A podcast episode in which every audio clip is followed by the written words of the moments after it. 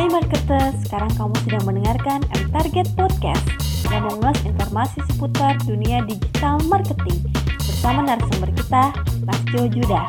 Selamat mendengarkan. Halo marketers, balik lagi di vlognya M Target. Kali ini bareng gua Jo Judah, customer success dari M Target. Seperti kita tahu ya saat ini isu virus uh, coronavirus sedang mewabah.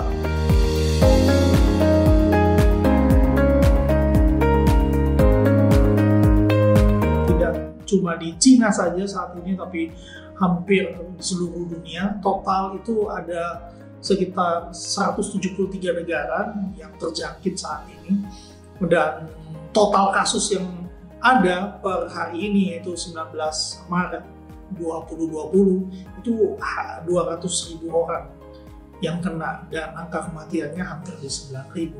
Walaupun walaupun yang sembuh ada 85 ribu orang. Nah, namun ini tidak menutup isu-isu uh, dan dan ketakutan-ketakutan yang terjadi di Indonesia sendiri. Per hari ini ada 227 kasus dengan angka kematian baru aja naik menjadi 24 kasus yang meninggal. Di Jakarta sendiri ada 17 kasus yang meninggal. Uh, ini ini ini tentu berdampak pada bisnis. Bahkan kalau menurut Sequoia Capital, kondisi saat ini itu bisa disebut sebagai Black Swan 2020. Apa sih Black Swan ini? Ini peristiwa yang tidak terduga, melampaui dari yang bisa kita prediksikan. Jadi mungkin ini bisa dianggap sebagai bencana ya. Uh, karena pasti banyak industri banyak para marketers yang mulai terpukul dengan dengan uh, wabah ini dengan dengan virus ini. Jadi uh, sebut saja deh beberapa. Yang pertama kali kena itu tentu industri traveling. Mereka uh, penerbangan, hotel, service itu semua mulai turun dari akhir tahun lalu sampai di tahun ini karena munculnya travel warning dan bahkan beberapa negara memperlakukan lockdown. Kemudian industri berikutnya juga mungkin yang sebentar lagi akan terkena industri retail atau yang memang uh, berdasarkan traffic dalam jumlah besar karena seperti mall-mall khususnya kayak di Jakarta sudah diberlakukan jam operasional yang lebih uh, sedikit. Ya seperti kita ketahui beberapa event uh, yang berskala global pun mulai di stop seperti NBA udah nggak ada lagi.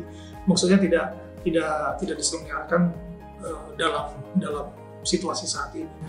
Nah ini ini membuat tentunya daya beli menjadi turun dan perputaran uang menjadi lambat. Kalau kata Aaron Levy, co-founder dan CEO dari Box.com, justru strategi yang tahun lalu kita pikir sempurna untuk dijalankan di tahun ini kita udah bisa delete lagi karena udah nggak relevan. Karena ini situasi yang luar biasa. Bahkan sebagai marketer, sebagai entrepreneur, ini saatnya kita diuji apakah kita bisa agile atau pivot bahkan dari sisi strategi maupun operasional. Karena saat ini didorong untuk work from home, di mana kita bekerja dari rumah, justru cara-cara kita yang lama itu kita mesti ubah. Kita mesti beradaptasi. Karena walaupun di tengah-tengah krisis seperti ini, ini seperti jungkat-jungkit. Ada industri yang turun banget, seperti tadi yang sudah saya sampaikan. Namun di satu sisi ada industri yang saat ini justru sedang meroket. Contoh saja misalnya seperti Zoom. Zoom itu bahkan sahamnya naik 275% sampai 800% di tengah krisis ini. Karena semua activity uh, meeting, sekolah, itu semua pindah ke Zoom. Selain Zoom, ada productivity tools. Itu juga meningkat sekarang semua rame-rame menggunakan productivity tools. Selain dua industri internet seperti itu, streaming pun mengalami peningkatan. Uh, beberapa video streaming, beberapa hiburan streaming itu mengalami peningkatan secara signifikan. Itu di industri online. Bagaimana dengan di industri offline? Yes, ada beberapa industri yang mengalami peningkatan seperti industri kesehatan, ke industri uh, insurance, uh, bahkan seperti obat dan peralatan perlengkapan obat itu naik secara signifikan. Nah pertanyaannya adalah bagaimana kita, bagaimana bisnis kita saat ini, bagaimana kita agar bisa uh, menjaga keberlangsungan bisnis kita sampai krisis ini berlalu, atau bahkan kita bisa mengambil kesempatan di tengah-tengah uh, krisis ini. Nah berikut ini beberapa tips yang uh, mungkin dari M Target bisa sharing buat teman-teman, khususnya para marketers. Kita tahu bahwa dalam dalam situasi seperti ini anggaran budgeting yang udah mulai ketat, in, departemen kita adalah yang pertama kali mengalami pemotongan yaitu departemen marketing.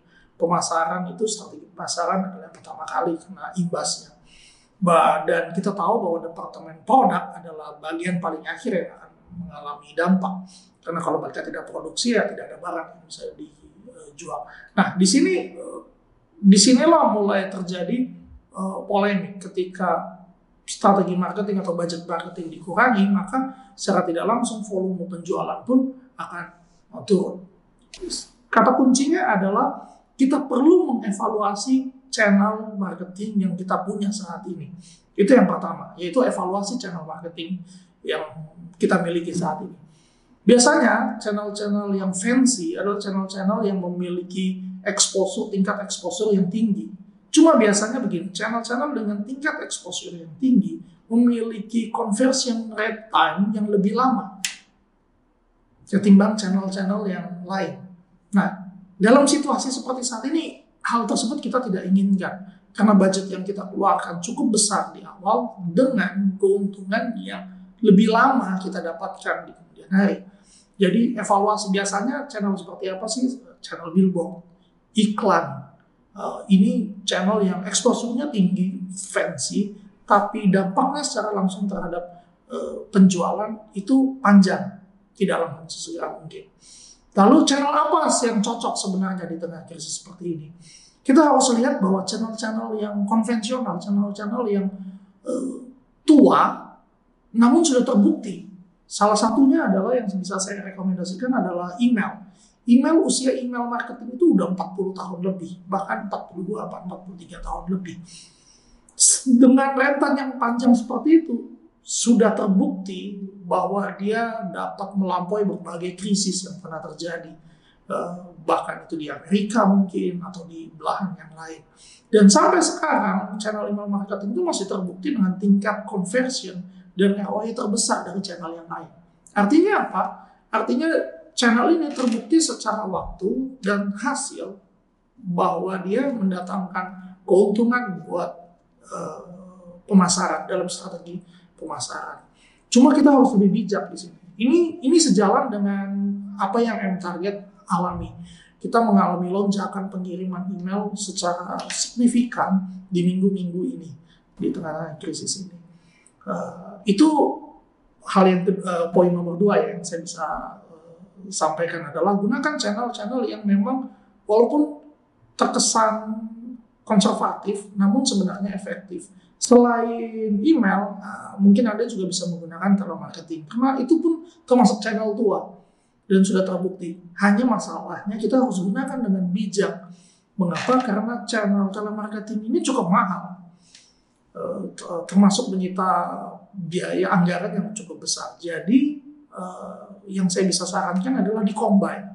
Jika email dikirimkan, emailnya tidak dibuka, Anda bisa gunakan telepon untuk follow up uh, para calon customer yang tidak membuka email. Nah, ini teman-teman bisa lakukan dengan melakukan integrasi atau automation. Tips berikutnya yang bisa saya anjurkan adalah ini justru adalah waktunya Anda lebih dekat dengan konsumen Anda. Alih-alih Anda mencari new customer, justru retention, justru uh, retention adalah strategi yang paling baik saat ini, di mana para pelanggan Anda, para customer Anda sudah mengenal produk Anda, sudah pernah mencoba produk Anda, itu akan jauh lebih mudah dan lebih murah ketika kita menawarkan barang ke orang-orang yang sudah pernah menggunakan eh, layanan kita atau produk kita. Jadi ini saatnya Anda lebih dekat eh, dengan engagement yang lebih baik. Caranya seperti apa sih? Anda bisa melakukan survei, Anda bisa melakukan kalau jasa ya, Anda bisa melakukan customer visit. Oh, customer visit bukannya saat ini nggak bisa physical uh, meeting? Oke, okay, kita bisa gunakan online seperti tadi. Gunakan Zoom untuk melakukan customer visit. Ini membantu kita mempertahankan dan lebih dekat terhadap pelanggan kita. Uh, kita bisa dapatkan feedback juga. Problem apa yang pelanggan kita alami di tengah-tengah situasi seperti ini dan solusi apa yang kita bisa bawa buat mereka. Nah ini yang kita bisa dapatkan bahwa kita bisa melakukan agile eh, penyesuaian adaptasi berdasarkan masukan dari pelanggan kita. Berikutnya adalah untuk internal teman-teman, untuk internal para marketers. Karena saat ini saya asumsikan banyak dari tim teman-teman yang mulai bekerja dari rumah atau eh, remote. Jadi gunakan productivity tools yang memang memadai saat ini sepertinya hampir sangat sulit jika kita hanya mengandalkan chat app saja seperti WhatsApp atau Telegram untuk sebagai media kita bekerja. Karena pertama, culture kita memang belum terbiasa untuk bekerja secara mandiri. Kita masih senang untuk bekerja dalam satu ruangan bersama-sama. Tapi kerja secara mandiri yang paling susah adalah membangun disiplin. Dan buat tim leader yang paling susah adalah trust bahwa apakah benar tim kita bekerja uh, atau tidak saat ini. Nah, tools-tools seperti WhatsApp atau Telegram ini tentu sangat terbatas. Makanya uh, saran dari saya adalah tips berikutnya adalah investasikan di tools-tools productivity atau uh, kolaborasi atau yang memang mendukung working remote ini. Dan ini mulai dievaluasi karena begini, jika Anda punya tim yang banyak namun di tengah-tengah krisis ini tidak produktif, ini sama saja seperti membakar lumbung sendiri. Jadi perlu untuk mengevaluasi uh, setiap perform, setiap uh, tip yang ada. Dan yang terakhir adalah diukur semua tindakan kita, baik channel yang tadi kita pakai, baik uh, tools productivity yang kita gunakan itu semua harus diukur dan pengukuran ini harus cepat dilakukan. Kenapa? Karena kita nggak punya banyak waktu di tengah-tengah krisis seperti ini. Setiap keputusan demi keputusan harus diambil dengan cermat namun cepat. Karena kita kesempatan kita untuk melakukan kesalahan tidak banyak dan bahkan mungkin tidak ada di tengah-tengah krisis ini. Oke, okay?